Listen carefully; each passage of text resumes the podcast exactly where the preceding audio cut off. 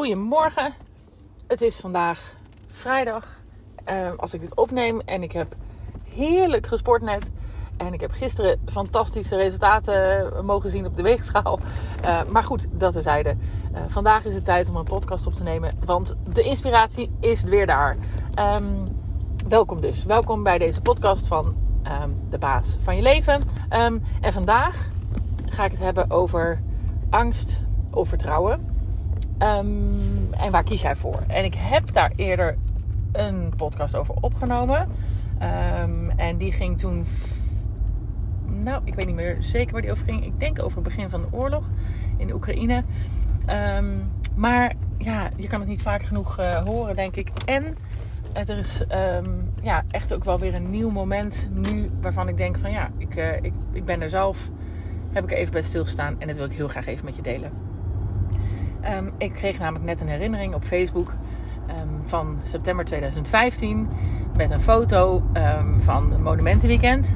Uh, een foto van mij en, uh, en Willem. En nou, iemand die vliegt gewoon hier nou voor mijn deur uh, voor de auto. Die heeft helemaal niet in de gaten dat ik voorrang had, zeg maar. Maar goed, dat tezijde. um, een fotootje met twee blije kopjes van mij en Willem, zeven jaar geleden dus. En dat was uh, Monumentenweekend was zeg maar net een maandje of anderhalf voor de opening. Uh, dus het was allemaal net niet klaar. Maar um, ja, het was wel heel leuk. We ontvingen natuurlijk heel veel mensen in, um, in, in de expositie die toen werd gedaan. En toen zag ik die koppies en toen dacht ik, oh wauw, wat staan we daar te stralen. En um, dat gecombineerd met dat ik heel vaak nu, nu we met Geert aan de Berg zijn gestart of gaan starten krijg heel vaak, ik vraag, oh wat spannend. En vind je dat niet eng? En ben je niet bang voor dit? En ben je niet bang voor dat? En um, ik zag die blije kopjes van die start uh, zeven jaar geleden. En toen dacht ik, oh, ik weet nog, toen werd het ook de hele tijd aan ons gevraagd. Toen zat ook iedereen van, oh, maar komt het wel goed? En ben je niet heel erg onzeker? En heb je er wel vertrouwen in dat het goed komt? En nou, heel veel mensen die heel veel angsten um, tegen ons zeiden. Toen kon ik er iets minder goed mee omgaan uh, met dat als mensen zulke dingen de hele tijd tegen me zeiden dan nu overigens. Daar heb ik wel wat in geleerd. Die tips zal ik je ook even geven. Maar um, ja, ik weet nog heel goed, ook toen, uh, dat wij iets hadden. Ja, we geloven gewoon in een droom. En als dat geloof en die weg daar naartoe, dat pad naar die stip op de horizon groot genoeg is, dan kunnen die um, die angsten die er natuurlijk ook zijn, die, die kunnen daardoor wat makkelijker wegvallen of naast je vallen. En um, dat was natuurlijk, um, daar was onze eerste uh, actie in de horeca. En inmiddels hebben we natuurlijk ervaren dat we inderdaad iets kunnen, uh, dat we heus iets kunnen opbouwen. Maar zijn er ook weer nieuwe angsten. Maar ik weet nog heel goed toen ook, want toen had ik mijn, mijn vaste, best wel goede baan opgezegd. Um, toen ja, moest het echt gaan beginnen. Toen moest, er, toen moest er gelijk vanaf de opening natuurlijk geld verdiend gaan worden. Je hebt natuurlijk geld geleend ook. Moest ook gelijk terugbetaald worden. Um, hè, dus er was gelijk een hele uh, nou ja, fikse verantwoordelijkheid, kan ik wel zeggen. En um, je hebt geen idee, überhaupt niet daar, of het je lukt. Hè. Nu, zeven jaar verder, uh, hebben we meer ervaring daarin. Maar toen hadden we geen idee. En natuurlijk, ook toen, want ik zag onze blije kopjes. Maar ik weet ook dat ik gerust de avond ervoor of de avond erna of de week later... een keer een nacht wakker lag. Uh, en dacht, oh, maar inderdaad, wat als het allemaal niet goed komt? Wat als we nu, we hebben allemaal mensen eh, nemen we aan, want het was ook niet een klein restaurant, dus we moesten ook gelijk mensen aannemen. Wilden we ook uiteraard, maar uh, wat als dat niet lukt? Wat als er geen mensen komen? Uh, wat als er niemand komt eten? Wat als, als ze wel komen eten, ze vinden het niet leuk? Um, ja, wat als, wat als? Hè? Dus die angst voor alles. Um, ja, die was er natuurlijk toen ook wel eens. En um, ja, ik zei het vandaag in een, in een post daarover heel duidelijk. Van, ja, die angst is er wel, maar je moet heel erg werken aan het kiezen voor vertrouwen. Als je dan even die angst aankijkt, dat helpt altijd enorm. Dat is tip 1. Uh, kijk die angst ook echt aan. En zie van oké, waar ben ik nou eigenlijk bang voor? Want we hebben de neiging als we bang zijn om uh, die angst te voelen en het gauw weg te drukken. En mijn pleidooi is natuurlijk ook dat je hem wegwerkt, maar niet wegdrukt. Dus je kijkt hem aan, waar ben ik nou eigenlijk bang voor? Wat kan er gebeuren? En daar nou eens heel erg op doordenken. En dat is natuurlijk super eng, want dan ga je echt denken: oh, maar wat als het waarheid wordt, die angst? dus je gaat hem even uitdenken. Oké, nou dan, en als je hem dan gaat uitdenken, bijvoorbeeld de angst over: uh, we hebben zo meteen personeel, we hebben een team die op ons bouwen. En wat als er niemand komt? En wat als we failliet gaan, bijvoorbeeld? Dat soort grote angsten kunnen er ontstaan. Ehm, oké, nou ja, wat gebeurt er dan? Dan kan ik mijn personeel niet betalen. Dan moeten ze ons, nou ja, ontslagen niet, dan ben je failliet. Ik weet niet hoe het precies gaat, maar goed, dan stopt het, zeg maar. Uh, dus dan ga je daarover doordenken. Hoe zou ik er dan mee omgaan? Wat dan? Uh, toen dacht ik, oké, nou, al doe ik mijn hele leven over, maar ik ga dan een baan zoeken en ik ga het terugbetalen. Ik ga zorgen dat het goed komt. Ik ga de mensen helpen uh, een nieuwe baan te vinden. Nou, whatever je kan verzinnen. Je gaat dus bedenken wat je zou kunnen doen. En als je dat doordenkt, dan wordt ineens die angst veel minder groot. Want dan is het niet maar alleen één groot monster wat om het hoekje staat te kijken. Maar dan ga je het monster in de ogen kijken.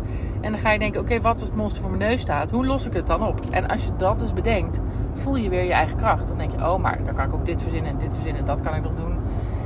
En dan creëer je het vertrouwen van: oh, maar misschien als dat gebeurt, kan ik het wel oplossen. Dan zou ik ook dan, ook al wil je het niet, kan je het wel aan. En dat uh, proberen Willem en ik steeds. Maar uh, ik heb, nu ben ik aan het praten, dus ik, ik praat in de ik-vorm. Uh, proberen dat steeds te doen.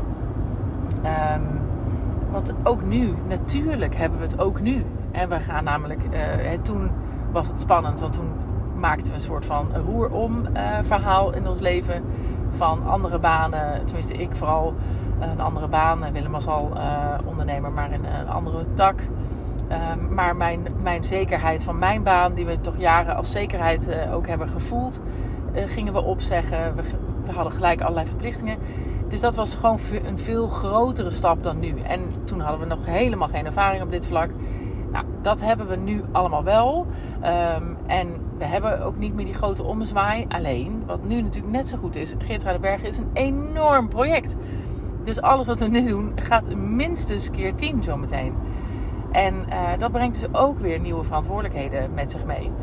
En uh, ook nu merkte ik dus met Monumentenweekend, vooral vorige week toen mensen ook weer in het stadhuis kwamen kijken. Um, en, in het, en in het hotel, het raadhuis en de kerk. Um, dat mensen dan weer noemen: Jeetje, uh, ben je niet bang voor de gasprijzen? Ben je niet bang voor de oorlog? Ben je niet bang voor de hoge grondstoffenprijs? Ben je niet bang voor personeelstekort?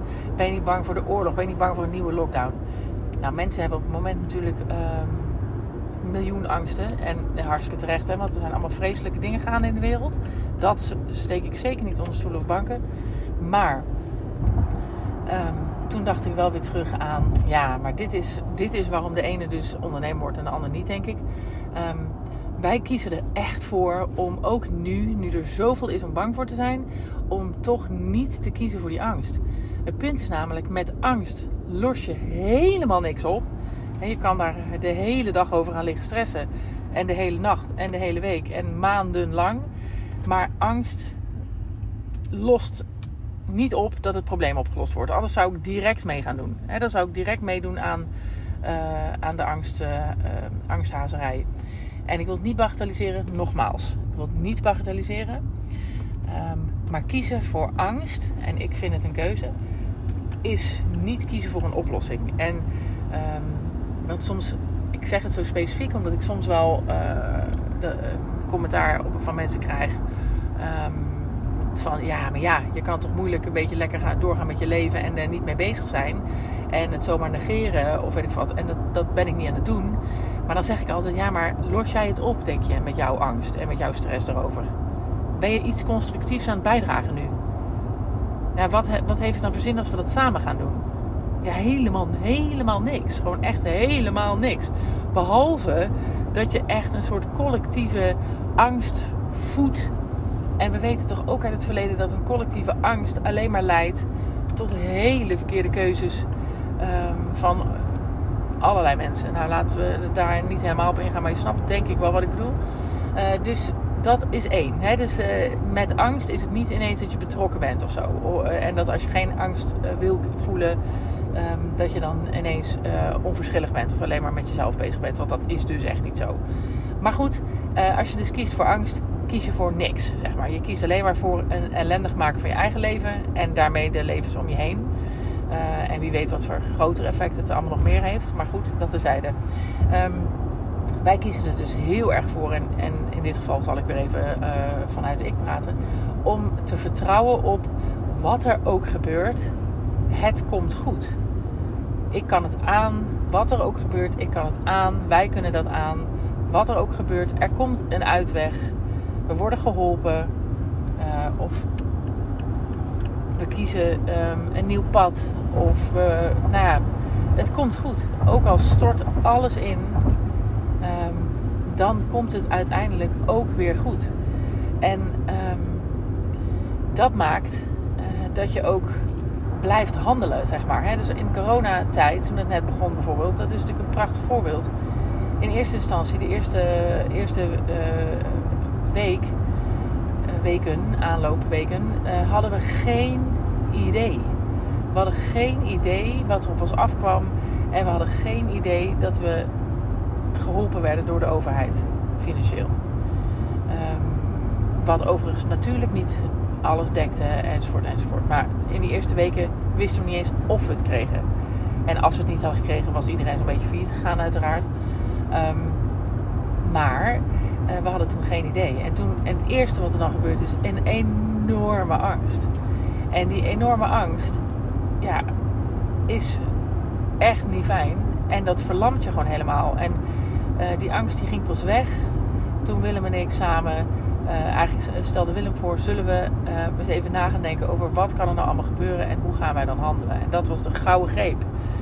We gingen scenario's maken, we gingen over scenario's nadenken. Oké, wat als dit zou gebeuren? Gewoon doordenken, die monsters allemaal één voor één aankijken. En wat als dat monster voor onze neus staat? Wat doen wij dan? En hoe lossen wij dat dan op? Um, en dat monster uh, hebben we gekild, zeg maar. Voordat duidelijk was wat de overheid allemaal wel en niet ging doen.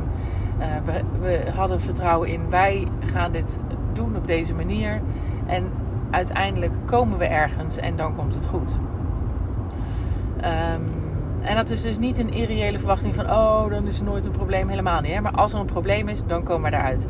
Um, en dan lossen, we, dan lossen we het op en dan gaan we ons toe verhouden. En dan komt dat ook weer goed. Daar hangt ons leven niet van af. Um, nou ja, en dat, dat is, geldt natuurlijk nu ook uh, voor, hè, van, voor de gasprijzen, voor het personeelstekort. En ik ben ervan overtuigd dat doordat wij niet zo spastisch zitten in oh jee personeel, oh jee personeel. Uh, en, en daardoor bijvoorbeeld ons laten verlammen en geen kwalitatief goede keuzes maken. geen keuzes maken om mensen bijvoorbeeld te laten gaan omdat er een, een personeelstekort is. En dan maar denken, ja oké, deze persoon past helemaal niet bij ons. Uh, die heeft een hele negatieve invloed op het bedrijf, maar we laten hem maar zitten. Want, ja, dan maak je de verkeerde keuzes. Uit angst maak je altijd de verkeerde keuzes. Dus um, we hebben echt geleerd om een soort bubbeltje om ons heen te maken. En dat is dan tip 2. Een bubbeltje om ons heen te maken dat als die angst op je afgestort wordt uh, en afgevuurd wordt... Um, door mensen, door het nieuws. Tip 3 is trouwens, kijk wat minder het nieuws.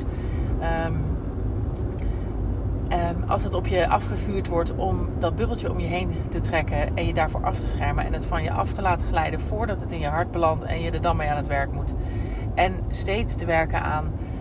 Um, ik kijk mijn monster aan, ik kijk mijn angstmonster aan. En als ik hem aankijk, dan kan ik hem ook hanteren. Dan komt het goed. Daar ook op vertrouwen. Ook, vertrouw er ook op dat je daardoor, als je die keuzes maakt, geholpen wordt. En dan bedoel ik niet geholpen wordt door uh, geld van de overheid. Hè. Ook al is dat in coronatijd natuurlijk wel zo geweest. Maar geholpen wordt in, nou ja, daar komt mijn spirituele kant, geholpen wordt door het universum. Um, dus als jij de juiste, als je juiste pad loopt, als jij de juiste keuzes maakt daarin en kiest voor vertrouwen. En um, dan, dan ondersteunt het universum je daarin. Dat is echt mijn overtuiging. Um, en in ieder geval maakt het het leven een stuk leuker en een stuk fijner om er op deze manier over te denken. Dus dat kiezen voor vertrouwen is wat mij betreft zo wezenlijk. En het is echt wel innerlijk werk. Daar moet je wel je best voor doen. Maar het is zo de moeite waard. En het is zoveel leuker om dan om, je, om, uh, om bij mensen te zijn. En in een bedrijf bij mensen te zijn die um, uh, op deze vibe doorgaan. In plaats van op de angst van oh jee de gasprijs. Oh jee de personeelstekort. Oh jee de oorlog. Oh jee de corona. Het is allemaal hartstikke erg en hartstikke oh jee. Maar als dat je leven vult, dan doe je niets meer. Dan word je verlamd en dan word je omringd door monsters in plaats van door leuke mensen. En ehm, nou, ik zou zeggen, daar kies je toch niet voor. Je gaat het in een lekker werk doen. En ik ben super, super, super benieuwd wat je van deze podcast vindt. En ehm, nou ja, of je het herkent en of je ermee aan de slag gaat. Ik hoor je.